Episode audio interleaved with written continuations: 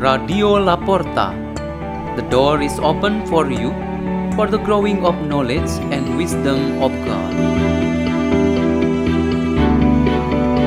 Delivered by Jane Jacqueline and May Ann Rodrigo from St. Peter's School, Jakarta, Archdiocese of Jakarta, Indonesia.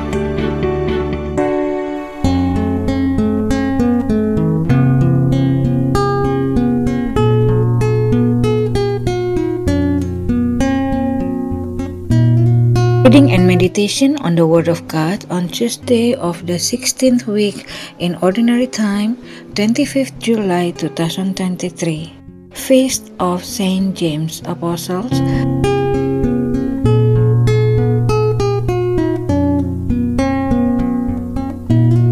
Our reading is taken from the Holy Gospel according to Matthew, chapter 20, verses 20 to 28.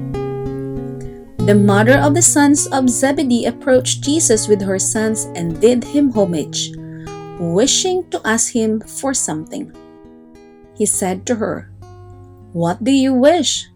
She answered him, Command that these two sons of mine sit, one at your right and the other at your left in your kingdom.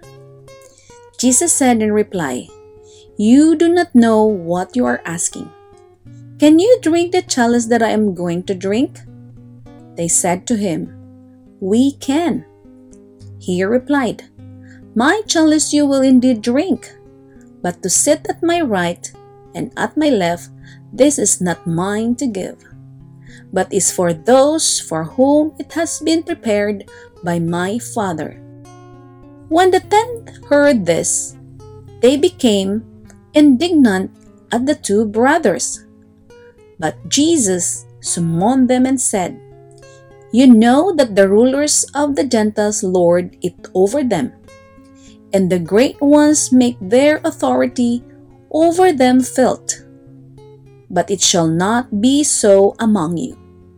Rather, whoever wishes to be great among you shall be your servant. Whoever wishes to be first among you shall be your slave. Just so, the Son of Man did not come to be served, but to serve and to give his life as a ransom for many.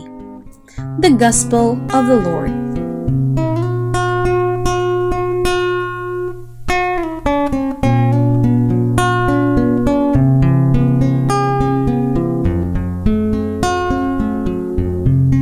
The theme for our meditation today is reverse power.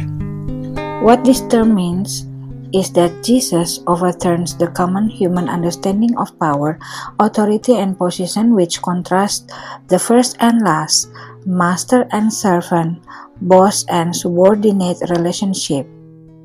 In this relationship is obey and carry out correctly.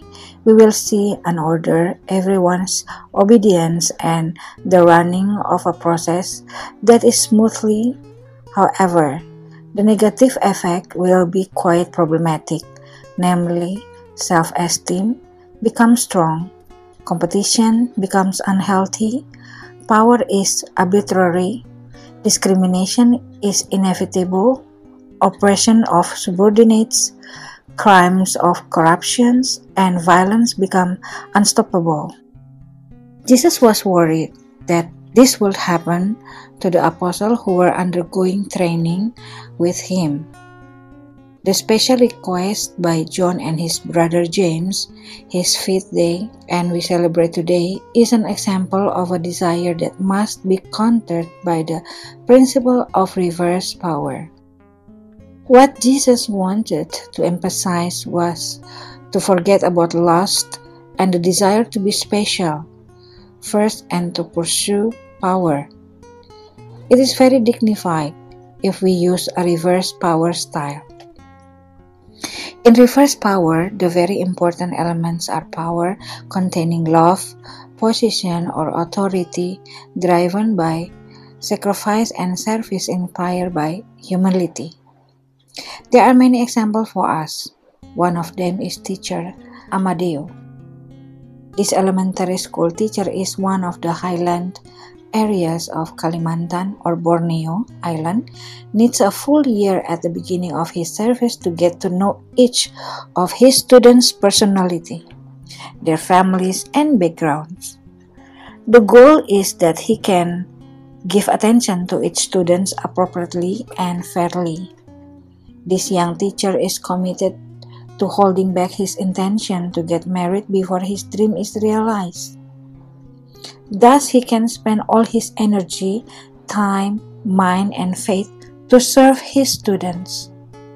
In order for him to become close and united with the children and their respective families, Amadeo tries to speak the local language, to be and play with the children, to eat food provided by the families of the students. In fact, for this humble teacher, the focus that he cannot leave behind is Jesus Christ, who is willing to suffer in all his forms for the sake of goodness and salvation, which is the goal of every human being. Amadeo is a special example for us on this feast of the Apostle James today. Let's pray. In the name of the Father, the Son, the Holy Spirit. Amen. Our Lord and God, today we rejoice as a community of believers celebrating your excellent apostles James. Grant that thanks to his intercession, we will always grow in perseverance to become truly committed and diligent workers for the realization of your kingdom in this world. Glory be to the Father, to the Son, to the Holy Spirit, as it was in the beginning, is now, ever shall be, world without end. Amen. In the name of the Father, and the Son, the Holy Spirit. Amen. Radio La Porta. The door is open for you.